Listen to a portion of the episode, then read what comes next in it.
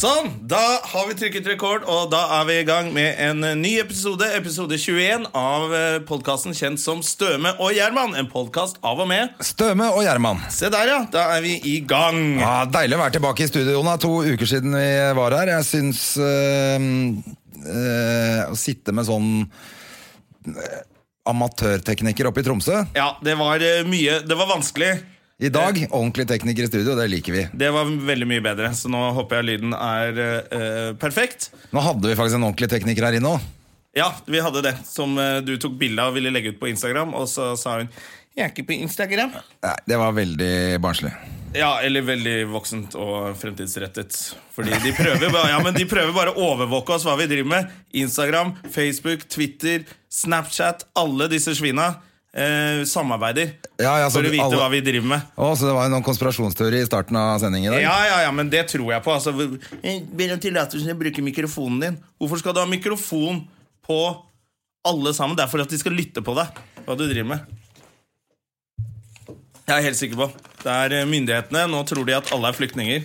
Og så skal de prøve å kaste ut alle for landssvik bare fordi du sier et eller annet om han Erna er tjukk eller eh, han er eh, evneveik. Men det er jo jævlig fett hvis vi kan ha en sånn uh, krigsradio når dette her skjer. Sånn Ja, at vi har, Hva het sånn uh, Sånn undergrunns bak... Motstandsbevegelsen. Ja, ja, som hadde sånn eh, radio som de måtte sette skru sammen av fire lyspærer og en binders og sånn. Ja, ja, ja. Det skal vi gjøre, da. Rett på skogen og lage samband. Eh, og hvem er tekniker, da? Det er meg! Så det, er, det blir to lyttere, og det er oss to. Jeg kommer aldri til å klare å skru sammen sånn radio. Har du noen sånn motstandsfolk i familien din, forresten? Du, vi er jo fra Finnmark. Ja. Eh, Så det er noe øh, Oldefaren min døde faktisk eh, av en tysk bombe. Eh, Som han Som som han, han- med, som han han het også Støme, så han- skulle de demontere den. Det gikk ikke. Han skulle legge ut en mine. Han skulle legge ut en mine på, på svenskegresa for å ta motstandsfolk. Nei, det er jo, vi har noe, men jeg vet ikke helt Vi er noen partisanere fra Finnmark eh, i slekta. Ja. Eh, Så det er noen motstandsfolk der. Eh, Heldigvis at vi ikke er sånn angiverfamilie. Eh, Ja, faen, det er- ah, fy faen. Og der oppe i Finnmark er det jo masse av det. Sånn der Nabogården var angivere, og det sitter i i ennå. Det gjør det. Ja, så Når folk prøver å gifte seg på tvers av angiverfamilie og motstandsfolk, så blir det jo helt krise der oppe. Ja, fy faen. Det er jo um, Det er jo alltid hyggelig når man treffer folk som sier sånn Ja, bestefatteren, han Han var i Auschwitz. Det er ikke så hyggelig. Han døde i Auschwitz. Han Nei. falt ned fra et vakttårn. Bom, bom. Ja, oi, oi, De oi. vitsene der. Ja, nei, det er jo Men jeg tenkte, det er alltid hyggelig å høre de som har har uh, hatt sånn family som har jobba beinhardt i Ja, ja. motstandsbevegelsen. Det er stilig med sånne ting, altså. De som bare fuck off, jeg gidder ikke føye meg. Ja, for det var jo ikke så mange. Nei, nei, nei. Den der, øh, Det var ikke mange nok, i hvert fall. Historien her i Norge er jo bare crap, liksom. Det er litt for mange sånn norske konsentrasjonsleire og Masse dritt. ja, ja, hvor folk døde. Så det er ikke Det er, ikke, det er når de skriver sånn norsk eh, krigshistorie, og sånn, så er det jo vært utelatt noen kapitler for å fremme nordmenn som verdens beste motstandsfolk. Men det var jævlig mye eh, overløpere og landssvikere Landssvikere! ja, i, i Norge. Så vi skal ikke være altfor stolte av, eh, av hele gjengen. Og vi sendte jo faktisk eh, Nei, vi skal, folk flau. ut. vi skal jo være jævlig flaue av veldig mye. Vi sendte 1500 jøder ut eh, med Hva er det? Donau? Med Donau, ja. Ja.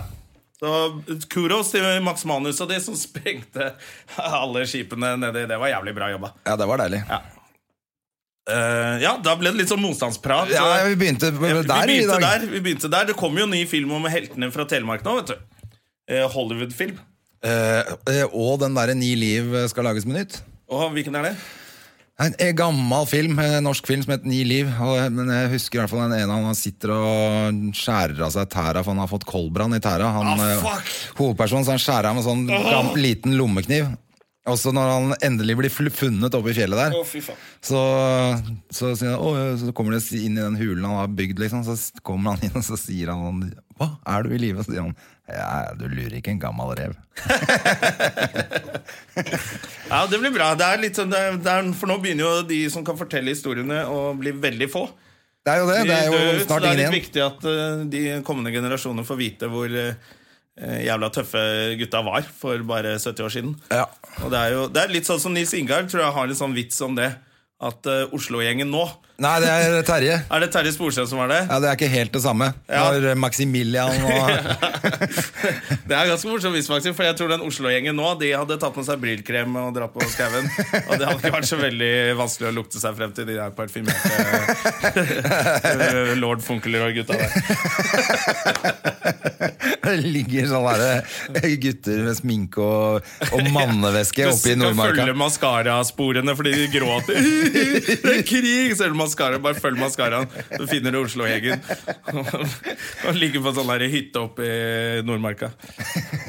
Det heter Maximilian og Felix og Altså kunne, man, så kunne man jo tenkt at de hipsterne kunne vært eh, De kan klare seg i skauen. De ser jo ut som, som tømmerhoggere og alt sammen, men de hadde jo ikke klart seg det heller. Altså, De klarer jo ikke å skru inn en lyspære uten hjelp De av hadde 17 polakker. frøset helt del på trikken på vei til Frognerseteren ned til det, det hadde ikke gått. Ja, er, da blir de der motestøvlene plutselig ikke så varme. Ja, for nå er det jo faktisk mye snakk om det at eh, Jeg så de hadde dratt frem stakkars Stian Blipp, som eh, de prøvde å lage sånn der at Stian Blipp var sånn forferdelig fyr som fremmet sånn ankel... Ja, det så jeg også. At, at, at, det? men nå er, at det, nå er det faktisk inn med høyvann igjen. Det var en mote jeg aldri trodde skulle komme tilbake. Nei, det trodde ikke jeg heller. Men nå er det inn, og de går med det på vinteren og fryser på anklene. Ja. Det prøvde VG å lage et sånn, sånn eh, skremmeartikkel om, hvor, hvor de brukte bilde av Stian Blipp når han er gjest på Ylvis.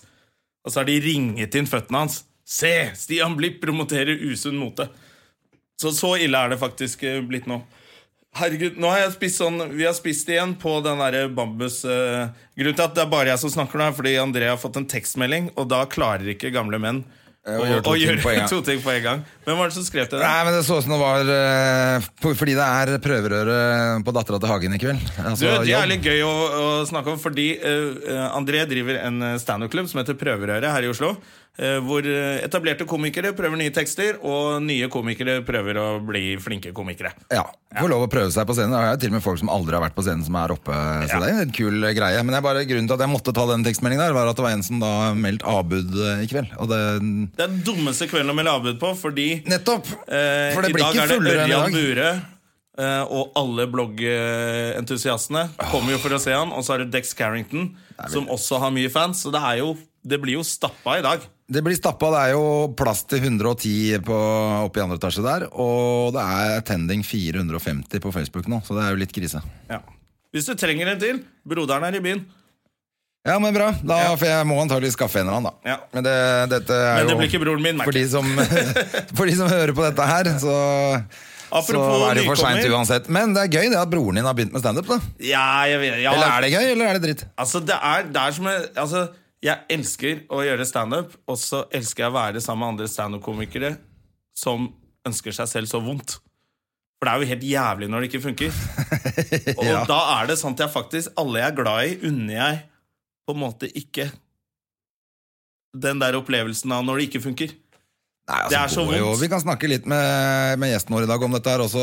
Ja, for nå har vi jo- Opp- og nedtur. Vi har jo en ganske kul standup-komiker i- som gjest i dag. Dag Sørås er jo Han er jo en mester i å ikke bry seg når det går dårlig. ja, han, ja, ikke sant? Han er jo en av de få som faktisk tør å stå og stå og stå uten egentlig Uten latter. Ja, Men allikevel så er det folk Men det er interessant. Men det er kanskje det som har gjort at han kommer frem til de showene sine. Da, Ja. Som det er masse latter på. Ja, det er for det er jo han som på en måte gjør det egentlig den riktige veien. Det, Ja. det, men vi skal snakke mer med han om det med etterpå. om det, eh. Eller, eller skal vi bare få han inn? Skal vi snakke noe om Jeg er tilbake på hockeytrening, det syns jeg er hyggelig. Ja, Lyskestrekken har begynt å slippe taket. Ja, lite det, grann. Lite grann i hvert fall. Begynner å bli veldig mye bedre. Synes jeg er litt uh, Det var digg å være på treninga i dag. Jeg ler meg jo i hjel i den garderoben med disse gærne folka. Det er veldig morsomt å ikke bare sitte i baksetet på taxier, men å sitte i garderobe med taxisjåfører. Det er, det er mye gøy. Og vi, Altså- vi har jo snakket om det. Den derre Det er en, en eh, Sjargong som er ganske spesiell. Ja, det er, det er liksom det er liksom gammeldags. Hver gang noen raper eller promper, så er det liksom førstemann til å si 'Den lukta rød kuka', Og så ler alle. Men eh, de har jo denne kafeen som vi må dra på en gang. Som de kaller Ja, for det. Ja. Eh, hvor det er bare taxisjåfører som spiser lunsj. Og der, eh, De kaller det bare for Høyskolen, for der er det så mange professorer Eller så mange som vet Ja, de vet hvordan de skal løse alle verdens problemer. Eh, Det, vi, det burde vi gjøre en gang. Dra dit, og så, og så Jeg føler at vi får nok av det i den garderoben, ja, med de der tre gutta som kjører bil der. Ja, faktisk. Det er sant. Det er sant. Nei, men det er i hvert fall eh, Det holder med en dose Det i uka. god, god underholdning å være der oppe. Ja, så, Så kom og se på kamp. Og kom og bli med på trening hvis du kan gå på skøyter, for vi trenger noen folk. Ja, det gjør vi faktisk. Eh, Klokka 11 på onsdager i Da må du faen meg kunne gå på skøyter òg. Ja, ikke sånn som han der, hva er det han heter, han er komikeren som ble med. Jeg husker ikke. Jøen? Ja, Henrik Jøen, eh, som er en hyggelig fyr, men å bli med på trening Det var litt lenge siden han har gått på skøyter. Og det presiserte du veldig overfor han. Jeg syns jeg, jeg, jeg var ganske snill mot ham. Nei, du var ikke snill. Du var beinhard. Var jeg det? Ja. Du var, du, du var helt jævlig. Vi spilte tre mot tre, det var ikke så mange på treningen. Og så ledet Så var han på laget til André, eh, han Henrik Jøen, og så ledet faktisk dere over oss når vi tok en pause. Så sa de at det er ikke så verst å lede når vi er, bare, når vi er to mot tre. og så sa han sånn å, takk for den. Ja, men du er jo ikke Det er jo Så fortsatte du. Stakkars okay. Henrik ja, ja, ja. vi Jeg har ikke sett han siden, og godt er det. Nå, den, nå må vi få inn Nå må vi få inn en mann i studio her. Ehm, Så nå, er du, nå gidder du ikke reise deg og åpne døra engang. Nå bare banker nå du i bare veggen. banka jeg, for jeg gadd ikke å reise meg opp, nei. Der Men, kommer, eh, Og mikrofonen er på. Matter. Velkommen, Dag Sørås. Det er det jeg mener. Altså, er det en mann som har forståelse for at man ikke gidder å reise seg og åpne opp døra for folk, så må det være Dag Sørås. Svært forståelsesfull for alle former for uh, eh, manuell inkompetanse. Ja. Hyggelig! ja, Hyggelig at du kommer på besøk. Ja. Hvordan går det? Det går uh, I dag ruller jeg en sterk firer på terningen. Yes, Ja, det er Det er, ja, det er innenfor. Det er absolutt innenfor. Det er jo en sekser i andres liv, er det ikke det? Jeg vet da faen, jeg hadde en sånn bra periode i det siste hvor jeg har vært i godt humør. Og det er nesten så det freaker meg litt ut. Jeg føler mer at uh, en sterk firer i Dag Sørås sitt liv er en toer i andres liv. Ja, ja det er kanskje sånn det er. Jeg, jeg har det generelt jævlig bra. Jeg vet da faen om jeg har et rykte på meg for å være depressiv, men uh, jeg, jeg tror bare jeg er eh, inneslutta. Ja. Og da virker man trist. Enten, er- enten er du trist eh, eller overlegen. Ja, det er et enda større Ja. problem. Overlegen, fuck Man får aldri stempelet på å være bare sjenert eller innesluttet. Nei. Det er alltid overlegen eller breial. Og selv hvis du står på ei scene, så regner alle med at du skal være jævlig utadvendt. Og Ja. når du ikke er det, så tror de du er en dildo, når jeg egentlig bare ikke helt vet hva jeg skal si. Ja, men altså, Er det ikke egentlig litt derfor vi står på scenen? For vi orker ikke å stå en sånn smalltalk ellers. Ja, Ja, Det er deilig å bare få liksom sånn der, eh, 20 minutter uten motstand. hvor Du kan bare si hva du mener, og så vil du ikke gå og forsvare det etterpå. Nei, men etterpå så er det aldri smalltalk, i hvert fall. Nei. Det er aldri noen som ser deg prate i 20 minutter, så kommer de opp og spør hva du syns om været. Det er bestandig noe annet faenskap å ta opp, og det er veldig, veldig behagelig. Hvordan går det med forberedelser til show? Det går greit. Eh, jeg blir jo sånn manisk der, som vel alle blir med, og ha tro på at det her blir bra, og så forsvinner all jævla selvtillit. Så jeg var i Kristiansand, på østsida av studenthuset, og da gikk det jævlig bra. Og så gjorde jeg sånn prøveshow på Crap Up Park-festivalen. Ja. Og da var det sånn eh, ganske rolig stemning. Laid back. Jævla hipsterkuka i publikum. Nei det, det var liksom Det var, det var Ja, halv seks det var det òg? Nei, det vet jeg ikke. Altså, men de har jo ja, på grillen da. Så. Ja, har for Det kan være litt sånn, også, men noen ganger har jeg vært der, så er det ikke sånn. Altså Da tenker du jøss, det er akkurat som å være hvor som helst. Ja, Det skal sies at det var halv seks på ettermiddagen. da, Ganske tidlig. Å, det er tidlig, Ja, ja. så, eh, men, men heller det enn at, eh, at man får et, eh, et, feil inntrykk av at alt er så sykt morsomt. Så eh, det gikk greit. Jeg Men da gjorde du liksom en time sjøl, da. Ja, jeg trodde jeg kunne stå lenger, og så, så var den plutselig sånn veldig ikke noe lenger enn en time. Og det å begynne å kutte ting når du har i hvert fall 80 minutter planlagt, det er ofte litt kukete. Ja, For du har liksom det showet er ferdig nå, eller? Mer Nei, det er ikke ferdig, men jeg har nok materiale. Jeg må bare finne ut om hva som må strykes. Jeg har liksom sånne ting som ja, du du vet, Ingen flirer av det her, men jeg syns det er morsomt. vil morsomt. Jeg vil at det? skal være Ja. morsomt. Og så er det noen greier som Folk flirer, men jeg du dør litt på innsida hver gang Ja. du gjør den. Eh, Så det er liksom sånne ting jeg må finne ut Ja. For det er jo kjedelig å måtte kutte ut det som du har lyst til å snakke om, fordi du ikke har klart å vri det til ennå, så må du ta inn noe sånn. Ja, jeg, jeg, tror bare jeg blir jævlig lat etter hvert. Akkurat så jeg liker det der denne følelsen av at jeg ikke har noe ordentlig forberedt foran folk. Men jeg føler at uh, du er den siste som kan si at du er lat på tekst. Ja, men det er veldig sånn uh, skippertak-metode, og det er derfor jeg, elsker prøv, Dattera til Hagen og prøverøret av hele mitt hjerte. Det, det er liksom, det er der jeg, derfor jeg blir produktiv. Jeg bare melder meg på der en gang i måneden, og så vet jeg at da må jeg Ja, ha for Vi snakket er- litt om det før du kom inn her, at uh, uh, du er jo ikke redd for å stå på scenen og fullføre en vits hvis det er stille i salen? Nei, nesten. Nå begynner det å bli for ille. Sist gang jeg var på Dattera, tenkte jeg nå må jeg faen meg skjerpe meg, for det her er for, det her er for dårlig. Altså. Det, det ble nesten bare mer sånn metaprat om hvor dårlig materialet mitt var. Ja. Eller hvor, hvor, hvor dårlig forberedt det var. Um, så, så jeg, jeg er nødt til å skjerpe meg. Neste gang jeg skal på Dattera til Hagen, nå blir det en stund til, men da skal jeg være bedre Skal du ha et par enkle vitser òg? Nei, men jeg, jeg, får, jeg får sånn følelse av Kanskje det er folk som bare går og ser meg der, og de må jo tenke hvordan i helvete kan denne fyren leve av det her? Ja, men det Har vært horribelt hver gang jeg så han. Så, Men det er noen som har sagt det til meg, som ikke har forstått at jeg gjør Altså, De tror at det er der jeg holder på, da. Ja, ja. Fordi at jeg er jo konferansier der. Ja, ja. I hvert fall en gang i måneden, jeg også. Sånn at jeg er jo der ofte. Ja, ja. Og da, da er det noen som tror at det er det du gjør. liksom Og Ja. da, Jeg gjør jo jævlig mye crap. Altså Ja. mye som bare ikke Det er jo litt det som er poenget der. Ja. Ja, ja. Eh, eh, Men de som det er akkurat det jeg mener, de som tenker sånn Hvorfor er han med i det hele Jeg hadde tatt? noen sånne her fra videregående eller noe sånt her som kom og sa hei til meg før et show på Dattera. Var sånn 'Å, vi kommer for å se deg.' Jeg bare, det er første gangen, og det er hit dere Ja, kommer. det Det, er her er så jævla lite gjennomtenkt. Men, eh, men sånn er det. Jeg, jeg, jeg tror jo de, de fleste forstår. Men det er jo blitt en jævlig kul scene Ja. for akkurat det det er til òg. Altså, det er fullt der hver gang, og folk eh, vet jo hva de kommer for, stort sett. Publikum er trent der eh, og vet at det er sånn. Altså, De vet at det Hva kan er det bli koster dritt. å komme inn? da? 70 spenn? 80, tror jeg det er nå. 80? ja. Da kan du ikke forvente altfor mye heller. Nei, men det er jo stort sett Det er bare alltid noen som leverer. Så Ja. det er jo sjelden at det er sånn helt katastrofe. Og pluss at det, jeg, jeg tror mange ser underholdningsverdien på samme måte som vi som komikere syns det er morsomt når noen tryner. Ja. Så tror jeg noen i publikum òg kan tenke Ja, Det blir ja, kanskje litt mer sånn at alle blir litt sånn At de, de kan litt mer om standup Ja, der. jeg tror nok det. eh, Men det jeg syns er gøy nå i forhold til før når, jeg husker, altså, vi, For vi var ganske mye der sammen helt, sånn, helt i starten av min eh, liksom standup-karriere. Og da var det jo ofte sånn 20-25 stykker Ja, som var og så folk. på. Og så var det liksom, men så var det masse Alle de som er headlinere nå, var liksom der da Mm, og holdt på. Eh, og da var det Alle var dårlige. Og mye rart vi holdt på med. Og så, men nå så er det liksom de som har holdt på lenge, nå, de er liksom forberedt når de kommer, så blir alltid noe bra. Jeg har Ja, vært de- konferans- det var der jeg var konferansier for første gang. Ja, Og så må du liksom da ha noen nye for å ja. få den der eh, herpekvelden, liksom. ja, Ja, ja, ja. Du kan ikke ha det for det bra. for bra Du kan ikke sende ut feil inntrykk. Men jeg syns også Nei, det er gøy at av og til ja. Ja. altså, Av og til har man jo en bedre lineup på den bitte lille drittklubben enn det er på masse store Jeg tenker steder. bestandig Hvis det, var noen, hvis det er noen jeg liker, så vil jeg heller gå og se dem der enn noen andre plasser. For Ja. det er jo der du liksom er senka skuldre, alt det der. Ja, det er veldig Jeg har kult. sett karrierer dø der også. Ja, fy faen. Da jeg hadde Jon Gjerde i tospann med Henning Haili. Han eh, Spåmannen. oh, satan. Og da var, det var så dårlig. Eh, og så var jeg konferansier, så måtte jeg gå på etterpå. Og da måtte jeg bare si Det var helt stille i salen mens de gikk liksom ned blant publikum. Da måtte jeg bare si sånn Du Henning, er ikke du spåmann? Burde ikke du skjønt at det er. Og da lo alle. For det var sånn Da måtte man liksom Han har eh, gjort standup! For Jon Gjerde elsker jeg. Jeg var, så han gjøre sånne soloshow bare for et års tid siden. Er det sant? Ja, ja, på Skuret. Og det var eh, svært så underholdende. Ja. Når du liksom vet hva du skal forvente for noe, så er det jo dritskøy. Eh, Så det, så, så det nøt jeg virkelig. Men, Han er jo den mest erfa... Eller han har holdt på lengst Å, fy faen. alle. Han har noen år på ryggen, altså. Han, han er så absurd at Ja, Han er så absurd men det så humor at han.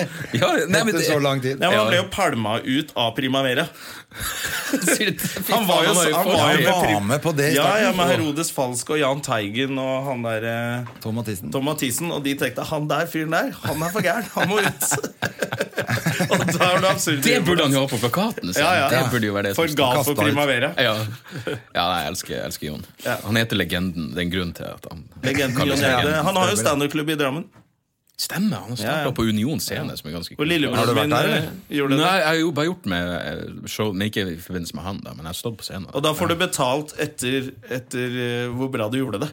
Åh, Ja, så det er han kom- som bedømmer hvor Ja, ja, for da, Han bestemmer ja, Broderen var der. er. ikke sant? Broren min har gjort uh, syv standup-jobber, liksom. Ja. Og da satt han backstage, så kom han med sånn konvolutter. Sånn, mm, ja, du kan få den, og du kan få den. Oi. Og broderen hadde visst gjort det bra, da, så han fikk 400 spenn. Og de andre fikk 200.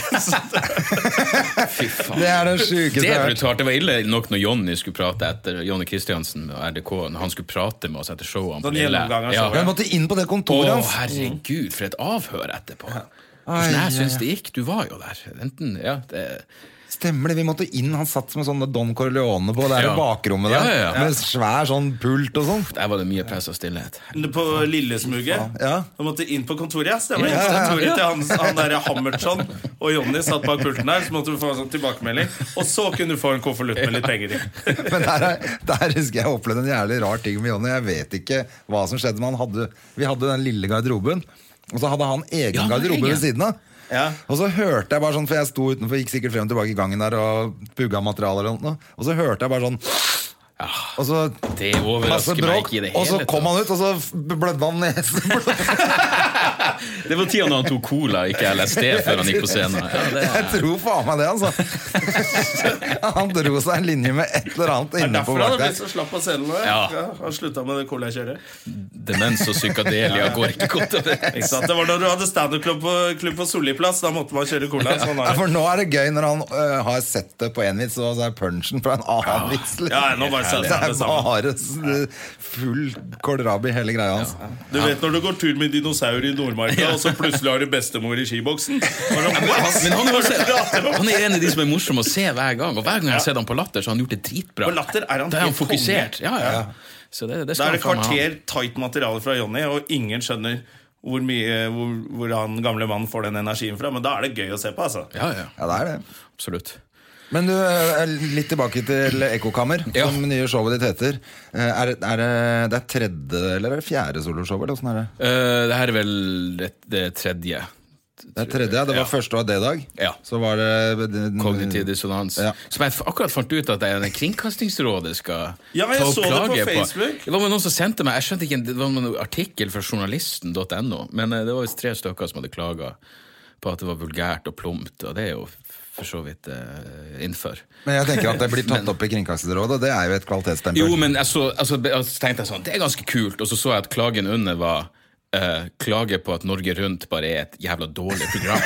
Og Det er det sånn, det er ikke, det er ikke så seriøst. Det er ikke mest oppegående folk som klager er til. Kringkastingsrådet. Men det var morsomt å se at jeg kunne gå inn og se på navnene på de som hadde klaga. Og han ene hadde et litt spesielt navn, og hvis jeg husker rett, så tror jeg han jobber i Drammen politikammer med narkotikaforbrytelser. Oh, ja. Og da forklarer i så fall mye, for uh, jeg uttrykker uenighet med hans eh, yrke. Så- Det er gøy hvis han klager fordi du har Eh, tulla med han. gøy, Da er det jo flaut. Da er det bare flaut, da. Ikke han personlig, da, men hans yrke, selvfølgelig, som eh, bekjemper Ja, ja, ja. det at folk har det gøy. Men, eh, men ja.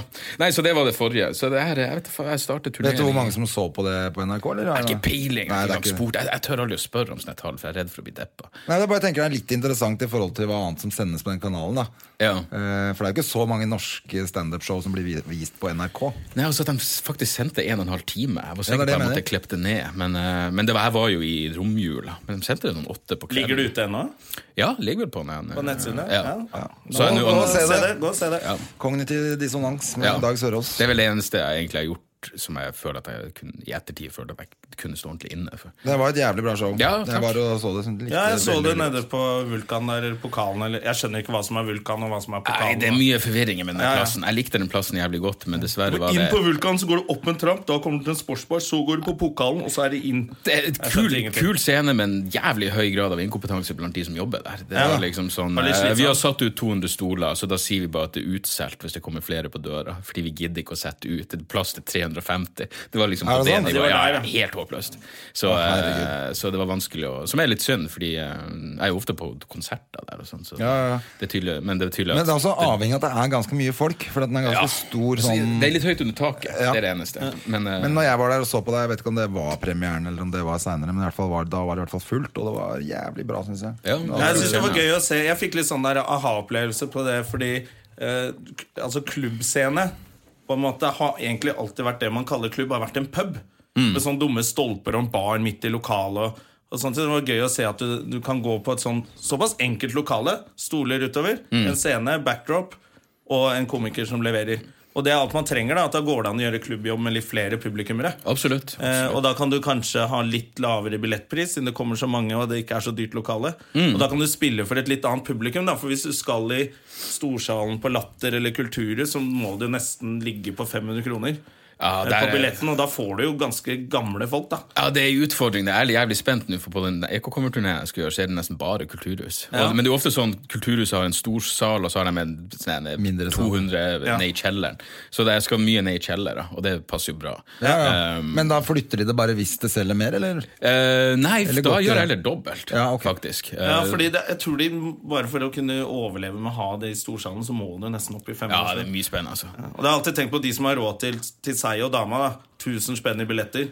Så skal Ja, de ut og spise. dyre, ja. De, er, de er over 60 år, de. Og så er det liksom ikke noe bar. Jeg liker at det er en bar tilgjengelig. At de Ja. kan gå ut. Og, men, eh, så er det mye kulturhus, men så skal jeg gjøre det på Jeg frykter at jeg har tatt meg litt vann over hodet, men jeg skulle avslutte det på fucking Sentrum Scene. Oi! Det er svært! Det er Ja, faen meg skal selge svært. billetter, men det kommer til å gå bra, det. Jeg tror det kommer til å selge ut. Jeg. Jeg, jeg tenkte bare at hvis jeg legger sammen alle som var på Vulkan, så blir det decent på Ja. Sentrum Scene. Hvor mange tar de på sentrum? da?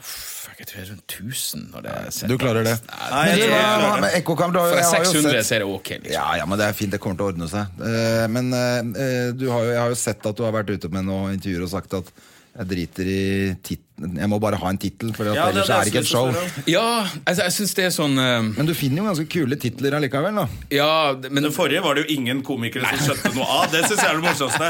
Eh, For Du går jo for å være liksom en av de smarte komikerne, og så syns jeg det er gøy når du har en tittel hvor alle komikere ah, Kognitiv kø, Må, må, målet var bare Hvis du gjør et Google-søk, så får du opp noe som Wikipedia-treff, og så tenker du ah, ok, jeg skjønner at det er en bra tittel, for det er så enkelt å henge. Men da, da prøvde jeg nesten å ha en sånn falsk rød tråd. Denne gangen driter jeg bare helt i det. det. Det jeg mener med at jeg ikke liker å ha en tittel, er at mange komikere lager jo show med tema. Terje hadde krig og Stereo, Stereo, ja, nettopp, ikke sant? Og da tenker du på den måten. Mens jeg tenker at jeg jobber frem materialet i løpet av et år, eller hvor lang tid det tar, og så setter jeg det sammen. Og da har jeg ikke hatt noe spesifikk tematikk. Da er det en timelangt klubbsett, liksom. Ja. Og da syns jeg det er synd jeg, jeg tror det Jeg tror Norge har importert mye av den britiske standup-kulturen. For der er det jo, Du er på Fringe-festivalen, alle har en tittel, og så har de sånn, ofte et ganske patetisk forsøk på å lage en rød tråd. Ja. Akkurat som det er fuckings teater. Mens jeg jeg er mye mer inspirert av amerikanske komikere, og de heldige der turnerer i et år, og så filmer de det, og da har de en tittel på det. Ja. De kaller det ikke et eller annet før eh, Bill Burr kaller showet sitt et eller annet når det er filma, og så kan du sitte og se på det og tenke You people are all the same." Ja, hva faen betyr det? ikke noe Ja. rød tråd av det. Så jeg er nok mer, mer der. Um, Ja, er, det, er, er, det, er det for noen favoritter i Amerika nå? Altså, Uh, jeg, vet, jeg, jeg, jeg er ikke så jævla god å følge med, men jeg må tenke på hvem jeg har sett. Han nevnte som er jo Bill Burr, han- ja, han er selvfølgelig Er Bill Burr og. Doug Stanhope og selvfølgelig Louis CK, selv om det siste greiene han har gitt ut, var, det er faen meg ganske dårlig, syns jeg. Jeg synes, CK? jeg liksom, fordi alle har snakket så mye om Louis C.K. Altså, jeg, er heller ikke noe sånn som liker å følge med på altfor mye andre komikere. Så tenkte jeg jeg for å finne ut hva han driver med. da Og jeg syns jeg var ganske mye barnslig. Ja, han, altså, jeg synes jo han veksler mellom Jeg liker jo at det kan være helt sånn eh, ja, jævlig barnslig og mange ganger ganske sånn filosofisk og smart, men han gjorde et eller annet som var filma på Comedy Story LA, som bare virka som et sånn ja, som et prøveshow, hvor du er helt i startfasen. Hvis han gjorde det der som et prøveshow, så jeg tenkte her kommer til å bli dritbra. Men så var det sånn det var. Det var liksom, det virka ganske halvferdig. Men, men selvfølgelig, han er jo et fantastisk Bill Burr. Eh, Det er en som heter Tom Segura, som er jævlig bra, som har et nytt show ute på Netflix. Som er veldig sånn flink historieforteller. um, men han der Jesselnik, liker han, eller?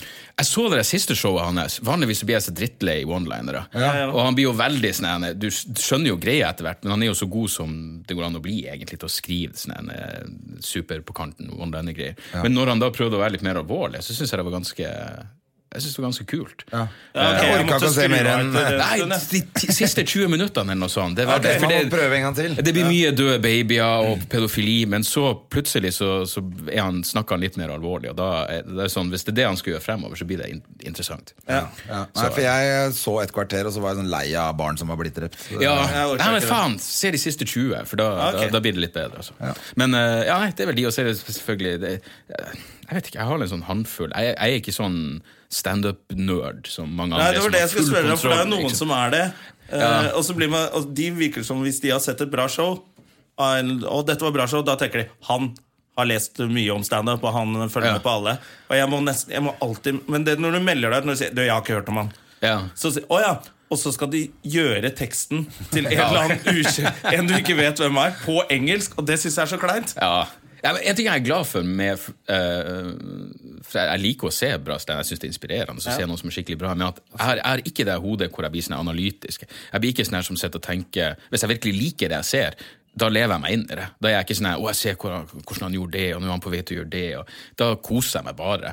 Hvis jeg kjeder meg eller ikke liker en komiker, da begynner jeg å være sånn å, jeg ser hvor det her er på vei, og der gjorde du det. Da Ja. blir jeg den analytiske eh, ja, typen. Så du klarer å kose deg med en standup ja, ja, absolutt, absolutt. Kan koble helt av. Det eneste jeg kan bli redd for nå, særlig når det er sånn jeg nærmer seg øh, Nærmer seg premiere for meg, er hvis jeg plutselig ser noen, og så begynner de å prate om noe av det samme som jeg skal. Jeg husker jeg var så Bill Bailey.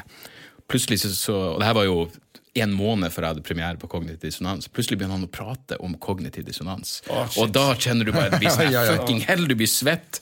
Og jeg husker For da blir du eh, anklaget for plagiat. Ja, ja. Ko, kona til Terje Katrine snudde seg og så på meg. Jeg bare Jeg har aldri hørt det pisset før. Og heldigvis var ingen av vitsene det samme, og det var bare en veldig kort greie. Men da kjenner du at du blir sånn Fuck, det her er stressende, altså.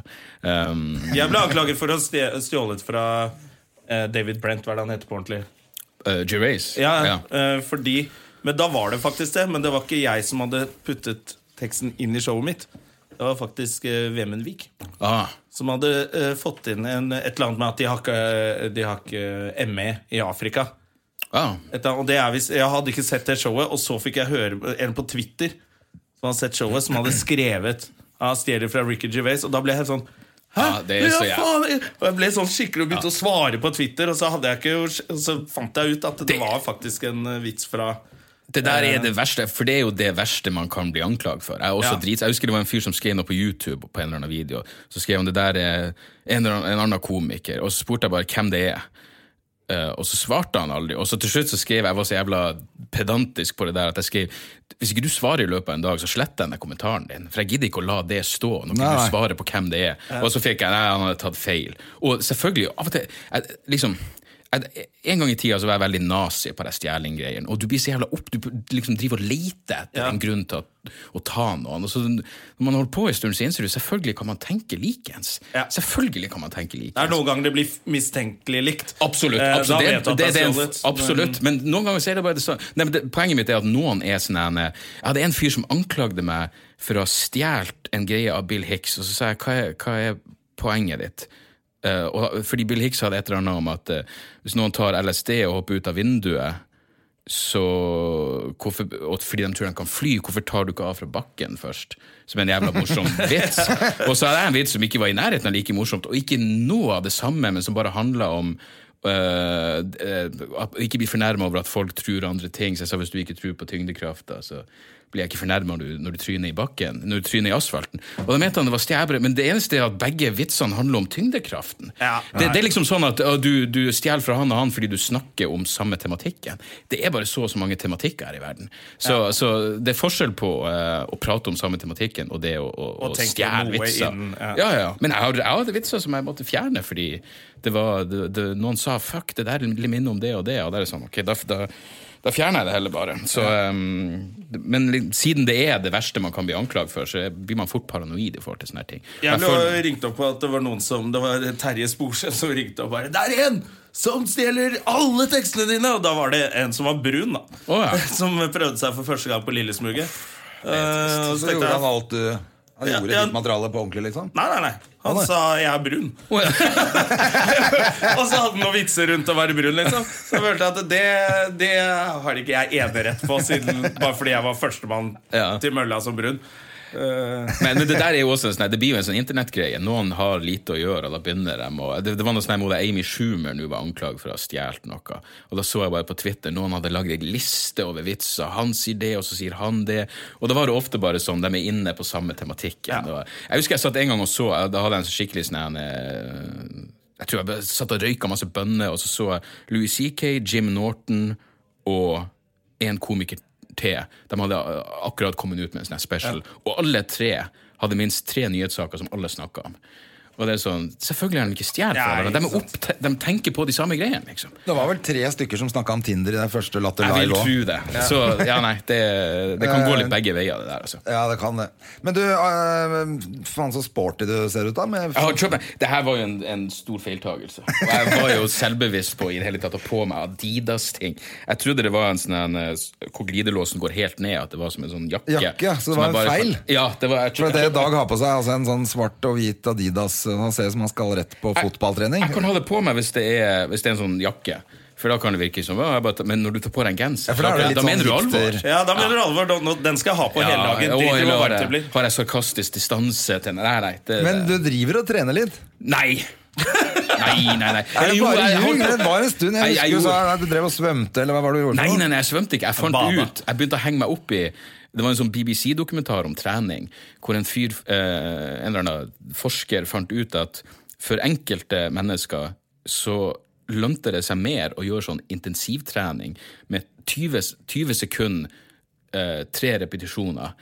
eh, fullt kjør, liksom, hvor du bare sitter på en ergometersykkel, kjører på alt du klarer i 20 sekunder, pause i ett minutt, gjenta. To, Så du trener i hva det blir, ett minutt Ja. til sammen. Og det hadde mer effekt enn å jogge i en time.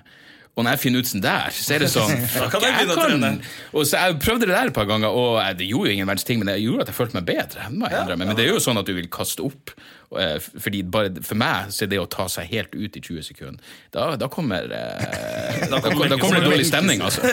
Så, eh, så jeg holdt på med det en stund, men jeg er jo en lat faen. Jeg vet ikke, jeg får, jeg blir, hvis, hvis jeg lever lenge nok, så blir min 40-årskrise ekstrem. altså. Jeg er to år unna, men Men lever du, så, lever du så hardt som det virker Nei. som på scenen? For at jeg har inntrykk av at eh, det er litt image. Uh, Ja, det er nok litt image. Du er jo aldri Eh, den som blir hengende igjen og så kommer Nei, det- hjem klokka seks om morgenen. Nei, men det har vært ganske åpen om, at jeg, jeg er den som krasjer tidlig. altså. Liksom Hvis jeg er ute, sånn som På Crap nå så var jeg ute til tre en kveld, og det er lenge mellom hver gang. altså. Jeg starter ofte tidlig, og så er jeg i seng til ett-tida.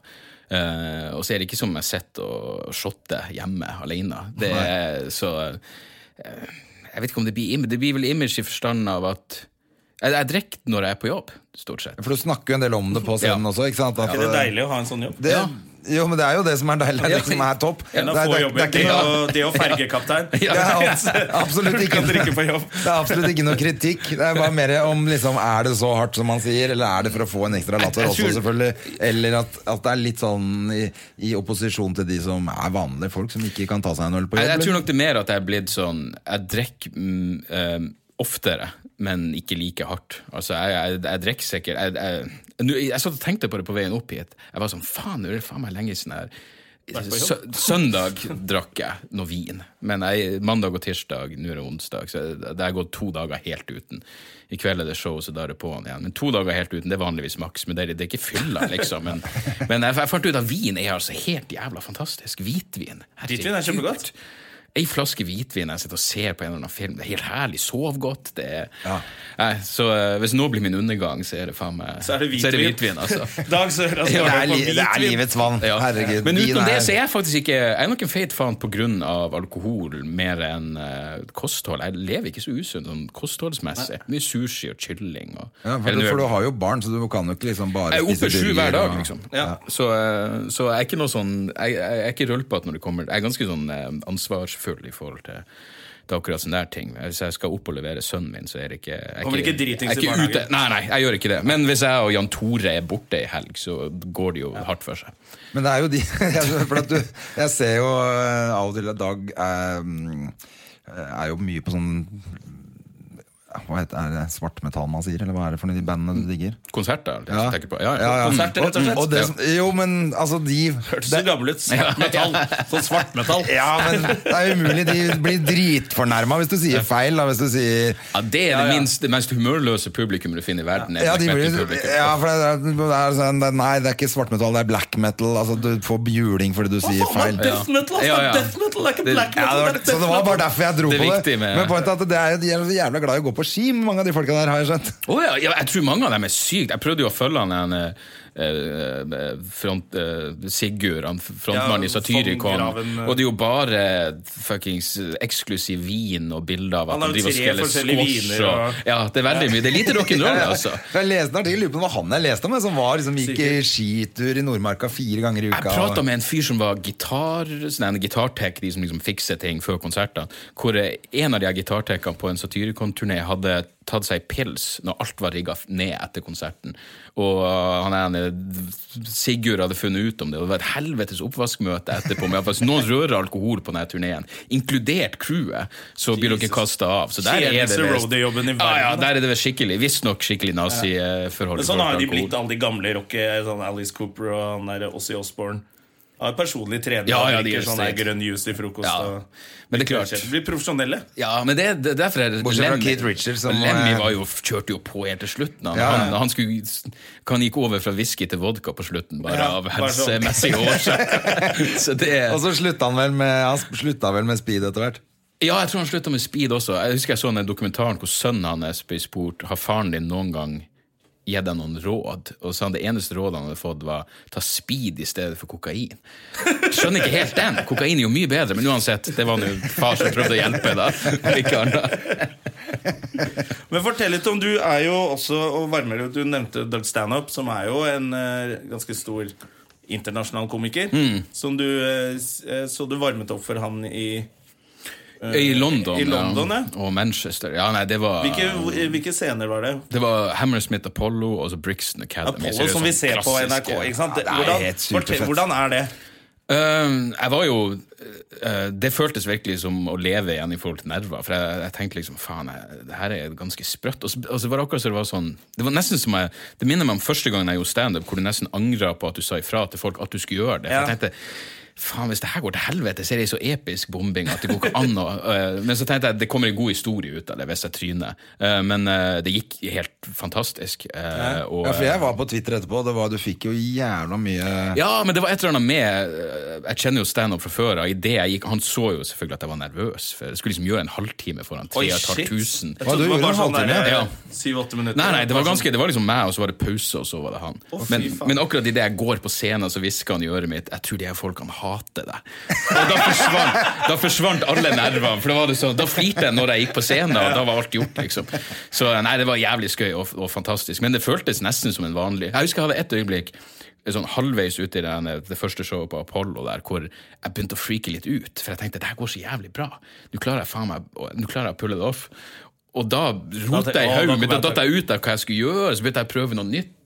Fant på noe greier, og det datt igjennom. Og så ble det sånn, ok, nå må jeg faen meg tilbake til det jeg hadde planlagt å gjøre. Så det var et lite øyeblikk der hvor, jeg, hvor jeg, jeg, jeg, blir selvbevisst, rett og Men slett. det må ha vært Det er høydepunkt i karrieren Ja, å gjøre det der. vanskelig å toppe, altså. Ja, det var det jeg tenkte. Altså, neste er jo da at navnet ditt er øverst på plakaten. Ja, det, det var det, det, Men det føltes ikke så enormt stort som jeg trodde det skulle virke som. Pluss at eh, standup liker heldigvis å ha eh, lyset sånn at du ikke ser publikum.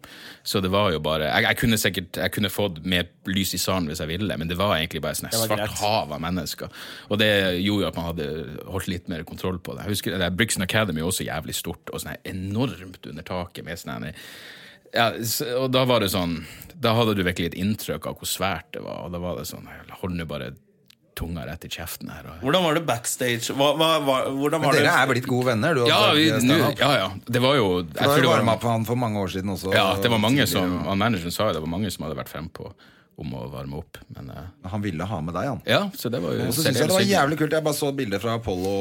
Så hadde, liksom, det var ikke sånn Doug Stand-up tonight. Det var Dog Stand-up og Dag Sørås. Ja, de, jeg tror de skjønte liksom. at jeg ville satt jævla stor At det var en stor greie for meg. Men jeg husker jeg sa det For jeg fikk liksom sånn inntrykk av at Jeg tenkte at standup har jo Han har jo stått der før, for han er ikke noe big deal. Så jeg bare sa til han på kvelden når han hadde drukket alt, bare faen, det her er faen meg stort for meg, takk skal du ha. Og da var han bare sånn Husk nå på at det er stort for meg òg. Å selge ut fuckings Apollo, det er ganske Ja, ja. svært, liksom. Altså, han- så ikke jeg får sånn inntrykk av at han Ja, ja, han syns jo òg Det er jo litt spesielt for han også. Jeg husker at han det var ikke som om han satt rolig backstage. Liksom. Han gikk frem og tilbake og tenkte og stressa. Og så var det jo, Han er jo kompis med Johnny Depp. Så eh, rett før vi skulle på scenen, så får han beskjed om at Johnny Depp kommer på, på showet. Han var akkurat flydd inn. Og, og de hadde satt opp sånne stoler på sida av scenen til Johnny Depp og manageren og bla, bla, bla. Men så, eh, så vidt jeg forsto, så var det sånn Han må ha så jævla mye sånn sikkerhetsklarering før, så det ble bare en masse mas.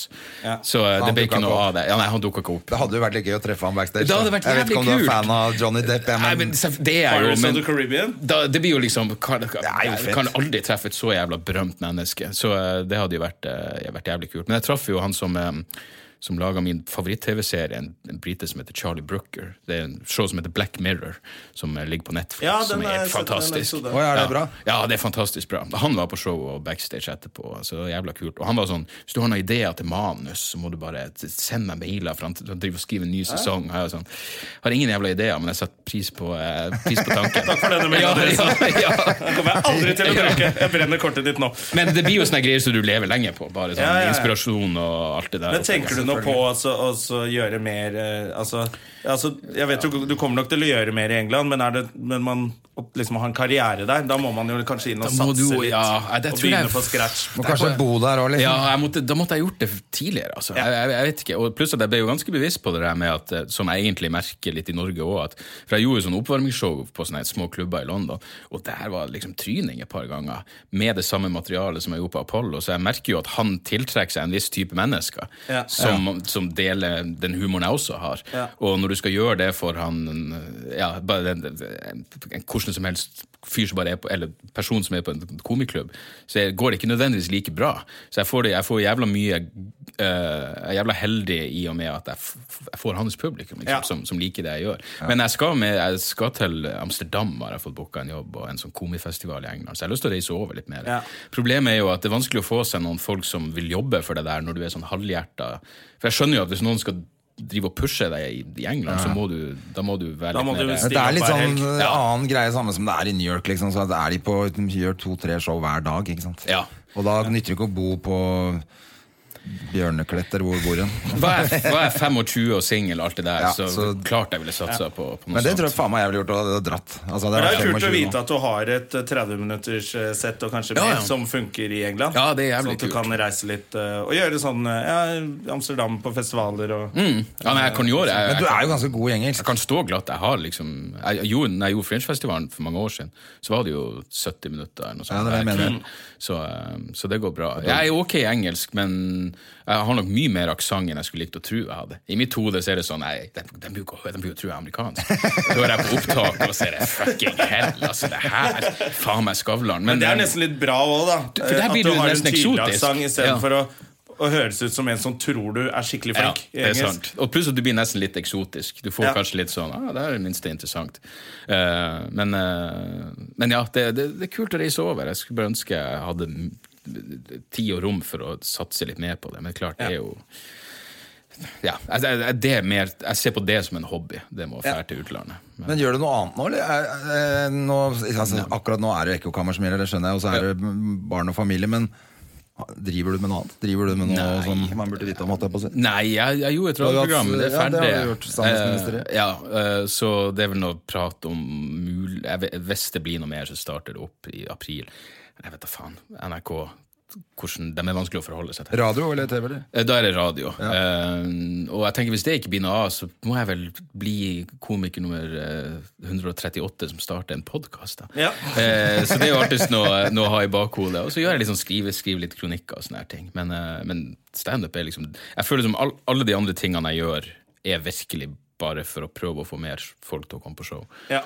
Uh, og det Jeg vet ikke hvor mye det hjalp med å gjøre et radioprogram på P2, for de, jeg tror ikke det er så mye alt lyttere der som kan alt hjelper litt. Altså, jeg tenker jo, kommer det, kommer det 15 stykker ekstra hver gang, Ja, ja. så er jo det noe. I hvert fall de kveldene hvor det er en sånn arrangør som ikke har hengt opp en eneste plakat. ja. Og så har jo du vært flink til å gjøre det du vil selv når du var på et program som showman. Så fikk du på en måte gjøre det du ville der òg. Det var fordelen med at ingen så på programmet. At han, han, han som liksom var produsenten der, Hvem er hvem enn som styrte programmet, var sånn Jeg bare kjører det lenger og lenger og lenger. Til slutt gjorde jeg jo sånn runke til The Passion of the Christ. Jeg bare fant Ja, ja. det mest motbydelige materialet jeg hadde. Og selvfølgelig ingen reaksjoner. Men de få som så det, var jo sånn Fordelen var at de som så meg på TV, ble ikke skuffa når de så meg gjøre standup, for de visste hva de kom for å se. Det var ikke han, så, han som ble så hyggelig på TV. Jeg slapp den der greia. Nei, for jeg husker når, det, når du fikk den, tenkte jeg sånn, ja, det skal bli interessant. Ja. På liksom sånn gladprogrammet til han Håvard Lilleheia, så kom mørke dag. Ja, også, men det ble litt sånn Den første sesongen ble litt sånn Det var ikke det jeg hadde tenkt, for jeg ble plassert i en stol, og så var det sånn Ja, så prater du i et og et halvt minutt. Men det ble liksom Sakte, men sikkert ble det gjort om til at jeg skulle drive og kritisere gjesten. Og så husker jeg det var ei fra det der Ingen grend, det var ei som kom uten armer og bein, og så var hun nervøs backstage, og så var det sånn så, og de var sånn, hvorfor det? Så var, nei, Hun var nervøs for hva jeg skulle si til henne. Og da ble det sånn, det her kan ikke vi gjøre Nei, det det kan ikke være sånn at, skal, at noen skal være nervøs. Jeg har inget, hva jeg skal si til henne? Så, så da fikk vi forandre, ja, da fikk vi forandra litt på det der opplegget.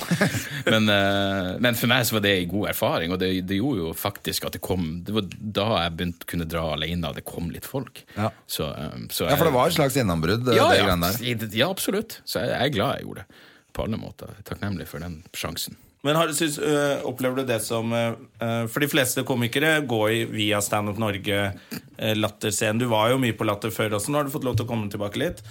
Eh, men øh, du har jo på en måte ja, som, Må jo nevne da at det er av at eh, dere, dere har startet et selskap. Da. Ikke fordi at du ikke var velkommen heller, bare fordi at Det er konkurrerende virksomhet. Ja, Ja. konkurranse der. Ja, ja. ja, Og da var de litt sure på Stand Up Norge en periode. Men nå er du velkommen tilbake. Ja, jeg har stått på Latter flere ganger, faktisk. Både på klubbscenen og ute der. Og det er jo, men der merker jeg litt faktisk det der med at oi, det er ikke alle som er helt med på denne greia. Nei. Nødvendigvis. Det er jo en saying i miljøet at Dag Sørås på firmajobb, det går ikke. Ja, faktisk. Det, det, men når noen spør spesifikt etter meg, så går det faktisk greit. Men da er det ofte en eller annen bedrift oppe i Nord-Norge som kun mannfolkene skal ha fest. Og, Og så er det vel litt sånn eh, samlinger i politisk greier og sånn. Ja, jeg gjør det. Bruker Ungdomsparti særlig Ja, har jeg gjort, og, og sånne der greier. Uh, så jeg gjør ikke så mye. Jeg var et sted hvor du hadde vært før meg, hvor de ville ha standup en gang i måneden. Og det var en sånn in, uh, industripark i Kongsberg. Hvor eh, Nammo og Raufoss Ammunisjon og en del oljefirmaer og alt det som Dag er litt glad i å kritisere. Da. Eh, og da hadde de hatt eh, Dag Sørås eh, måneden før. Og når jeg kom, så sa de 'Jeg håper du er' For det var ikke Nei, det Det var var- ikke alle som satte pris på det. sitter bare de jævligste menneskene i verden Ja, og kan- selger olje og ammunisjon, og du er jo Det ganske flink til å kritisere det. Og da husker jeg, for jeg husker jeg skulle ta toget rett etterpå, og da gikk jeg bakom to damer som For jeg gikk bare av scenen og bare stakk, og de var blitt lei og gikk bare Mm. før jeg var ferdig. Så jeg gikk bak dem og hørte på det de sa om meg, og det var sånn Helvete, her er det Og de møtte til og med en fyr på veien som liksom stoppa opp. Jeg var kanskje ti meter bak, så jeg måtte liksom gå og sniklytte. Og så møtte de en fyr på veien som stoppa og spurte hvordan var det der. Og de bare ber, Vet du, det var så forferdelig! Jeg bare står der. Fuck, jeg er jo rett her! Men uh, ja, nei, det var uh, usedvanlig ille, husker jeg. Jeg tror ikke jeg har vært i eh, Nå kom jeg, på, åh, kom jeg på en jobb vi var sammen, og så var jeg for jævlig flau dagen etter. Å, Jeg, vi kan ikke si hvor det var, men husker du vi brøyte oss inn i Å, stemmer! Det var good times. mat. Det var eh, i Nord-Norge en plass. Det var I Nord-Norge, ja, men er det ikke sånn selvforsvar å bryte seg inn i hytter når det er kaldt og sånn? Jo, vi må- må nesten si det. Men fy fader, altså. Inn brøyte opp hele den der kiosken på det stedet. Og inn og henta masse potetgull og øl. Og... Vi skulle jo ha, Når vi ikke får hotellrom, så må man jo Ja, vi, fordi vi var på sånn leir. Vi bodde i en, eller annen Og leir. militærleir? Og så- Ja, så hadde de ikke, sa- liksom, de hadde ikke lagt inn en banan til oss. Nei, nei, det ingenting, var og, så- helt- og hele leiren var stengt. Det var bare jeg og Dag som var der. Ja. Ja, men da er det greit. Ja. Det er selvforsvar. Det var eh, Det var litt ikke noe å ha dårlig samvittighet for. Men hadde, jeg husker vi satt liksom dagen etter og tenkte For vi var jo ikke helt edru når vi Nei, nei, Og nei. flyet går klokka syv i Ja, kveld. ja. Så vi må sitte her en stund. Det var Bare jævlig vente på flaut. at det skal komme en sånn offiser inn og bare Jo, men det er jo «Hva faen var det bestandig dere holdt på med?» Når du sitter og føler på det og tenker det her er litt jævlig, eller et eller annet, det er jo bestandig de tingene man husker. Det er jo sånne historier som Ja, det dras opp akkurat det. igjen. Eller hvis du bare har det jævlig gøy. Jeg har gjort det sammen med Grim en gang. Ja. Men da, hørte vi Det er du som er problemet problemet. mønster her. hørte jeg at noen kom, og jeg hoppa jo bare ut gjennom den luka og opp på rommet. Mens Grim hopper ikke noe sted. Nei, han ruller i beste fall. han sto inni der når tillegger han jo et kom. angstvrak og er dårlig med å forklare seg. Og det, hørte bare det derre kaoset der nede. Mens jeg satt og lo Mens du satt og spiste potetgull og så på. Hva er det galeste turen du har vært på av alle standup-turene? Er det noen du husker som har vært sånn Oi. å, faen. Nei, dæven, si det, altså. For det er jo litt guttetur hver gang. Ja, Det, jo, det må være noe sånn Bergen. Sikkert noe hvor Jan Tore var med. Ja. For han er jo ofte en uh, Ja, men da, da kommer du på- aldri dårligst ut. Nei, nei, nei, det er det han- som er fint med JTK. Du kommer aldri dårligst ut. Han vekte meg på natta en gang. eh, med, bare sto med ei kasse i handa, i sånn eske, og så sier jeg hva faen? Han bare, nei, han har vært på et annet hotell og stjålet vin. For da hadde vi en lang busstur dagen etterpå. Så jeg bare, flott, men du legger ikke igjen noe bevis. For jeg vet ikke hva som er oppi der. Ikke det avkappa haug eller et. Jeg vet ikke hva faen vet hva han har gjort, liksom. Så jeg bare, ta vin med deg på rommet ditt, og så legger du deg og så. Og dagen etterpå, når vi skulle åpne og liksom glede oss til til å drikke vin på turen, så var det jo et fuglefrø han hadde stjålet en eller annen plass. Sånn fuglemat, og gud vet hvordan han har fått tak i det. Men, uh, men han er bestandig sånn eh. Ja, ja, da skulle han ut. Han, jeg, tror, jeg, jeg husker ikke om han nesten eller, Nei, han, han dreit seg nesten ut mens han spydde. For bussen sto og venta på sånn en ferge hvor han bare måtte springe av. Og da var det ut for å spy, men nesten dreit seg ut i tillegg. Og du føler deg mye bedre da. Ja. For du tenker liksom det kunne vært verre. Det, Ja, det kunne vært deg. så, så han ville nok, jeg ville tatt han med om han ikke var en fantastisk komiker i tillegg. Så ville han vært med bare fordi han er morsom. Ja, for at, det- dere har jo, eller du har tatt med han jævla mye på sånn oppvarming. Det er fordi jeg syns han er dritbra og virkelig burde nå ut til flere. liksom. Jeg syns også JTK er uh, Han er av og til litt sånn comedians comedian, Ja. men når han rocker, det er jævla gøy å se på. Altså. Han vant jo på, på Crap values når eh, publikum avgjorde på en sånn kveld med masse bra komikere. Da vant jo han. Det var det? Ja. Ja, eller publikum avgjorde. Det var Harald Eia og Tore Sagen og en eller annen fyr. Sånn var det. Som liksom var Den norske humoren. Ja. De var juryen. Så jeg tenkte det her kommer til å bli spennende, liksom. Men uh, han rocka som faen, altså. Han har noe sånn troverdighet som funker jævlig bra. Ja. Ja, han, han er jævlig morsom. Så når han i tillegg er morsom å være på tur med, så er jo det Da hva mer kan man be om? ja, og han gjør support for deg. Ja. Men på denne turneen så drar jeg alene, men han er med når jeg har hatt som prøveshow og greier. Ja, Hva syns du om å reise alene? Det er jævlig, jævlig kjedelig, egentlig. Um, det blir jo atskillig roligere, selvfølgelig, og sånt. Men, uh, det kan være, men på denne runden nå gjør jeg ikke sånn eh, hvert hold oppe i Finnmark. Nå gjør jeg bare litt større plasser. Og ja, da drar du en helg, og så er du tilbake. Sånn, Ja, liksom. og så er det liksom Fordelen med Kulturhuset er at du vet ting på stell. Ja. Det er liksom ikke noe kødd. Du har en egen backstage. Det er ikke noe at Folk er sjelden for dritings på et kulturhus. Så alt er så tilrettelagt at uh, Ja, for Det er også litt det som vi snakka om med billettpris. Det må være en viss billettpris. Ja, du luker jo ut. ja. Stand-up har satt opp sine billettpriser kraftig, rett og slett fordi han luker ut alle de som bare vil drikke seg døddrukken. Og, og, For Hvis billetten koster litt, grann, så føler jeg at publikum må forsvare investeringen Ja. med å faktisk si at dette var fett. Hvis ikke har du en tulling som brukte 400 spenn på et dårlig show. ja. Eh, og hvis, Da sitter de ikke og er dritings og ødelegger hele Nei, greia. så forhåpentligvis. Så, så vi får se. Men, eh, men det går greit å reise alene også. Det gjør, det gjør for så vidt For du har ikke Men du, du drar alene Jo, det har jeg med en lydmann. Som Ja, er hvem da? Eh, Steven heter han. Ja, ok. Ja, så, så det Ikke Trond Kjellhaug. Eh, Nei, men han jobber for? Trond. Men, Så, eh, men du, så du har ikke Altså når du sta, et- På premieren din så er det deg. Da har du ikke noe mer av noen. Nei. Hvor er premieren? Premieren er i Tromsø, så jeg gjør tre show der, faktisk. 12. og 13. Februar? februar. Også, Og det er hvor? Hvis det er noen oppe i Tromsø som hører på? Kulturhuset, ned i kjelleren på Kulturhuset. Og så avslutning på Sentrum Scene 27. mai. Filme det og alt det der. Oi, så kult, da. Ja. Ja, det blir fett. Så det blir Jeg tror nok at Grunnen til at jeg tror det blir fullt på Sentrum Scene, er fordi eh, nå er det så mye tilbud overalt, med show og, og ting, og så tror jeg folk liker å føle seg at de gjør et litt eh, spesielt og kult valg.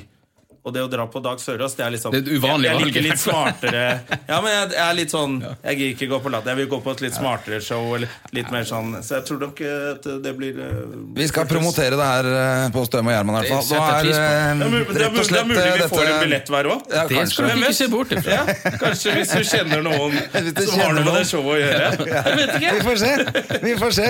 Eh, kanskje vi til og med kan lage en konkurranse her på Støm og Gjerman. Noen kan vinne noen billetter etter hvert. Det har vært helt. Eh, vi tar det når det nærmer seg mai. Det er i hvert fall drithyggelig at du kom på besøk. Her. eh, Dag, Har vi snakket uh, over tida? Ja, det drittprogrammet her er over nå. Ja. Jeg syns det ble bra etter at Dag kom inn. jeg. Jeg er enig. Det var superhyggelig. Eh, lykke til med premiere. Takk, takk. Lykke til med alle alt sammen. Ja. Så Vi snakkes jo utenom podkast òg, håper jeg. Og at det blir like hyggelig da. Vi, vi, det gjenstår å se. Så skal vi ikke ha så mye smalltalk da, for vi vet at du liker. Eh, Da gjenstår det bare å si ha det bra Og dra til helvete. og dra til helvete. Produsert av Rubicon Radio.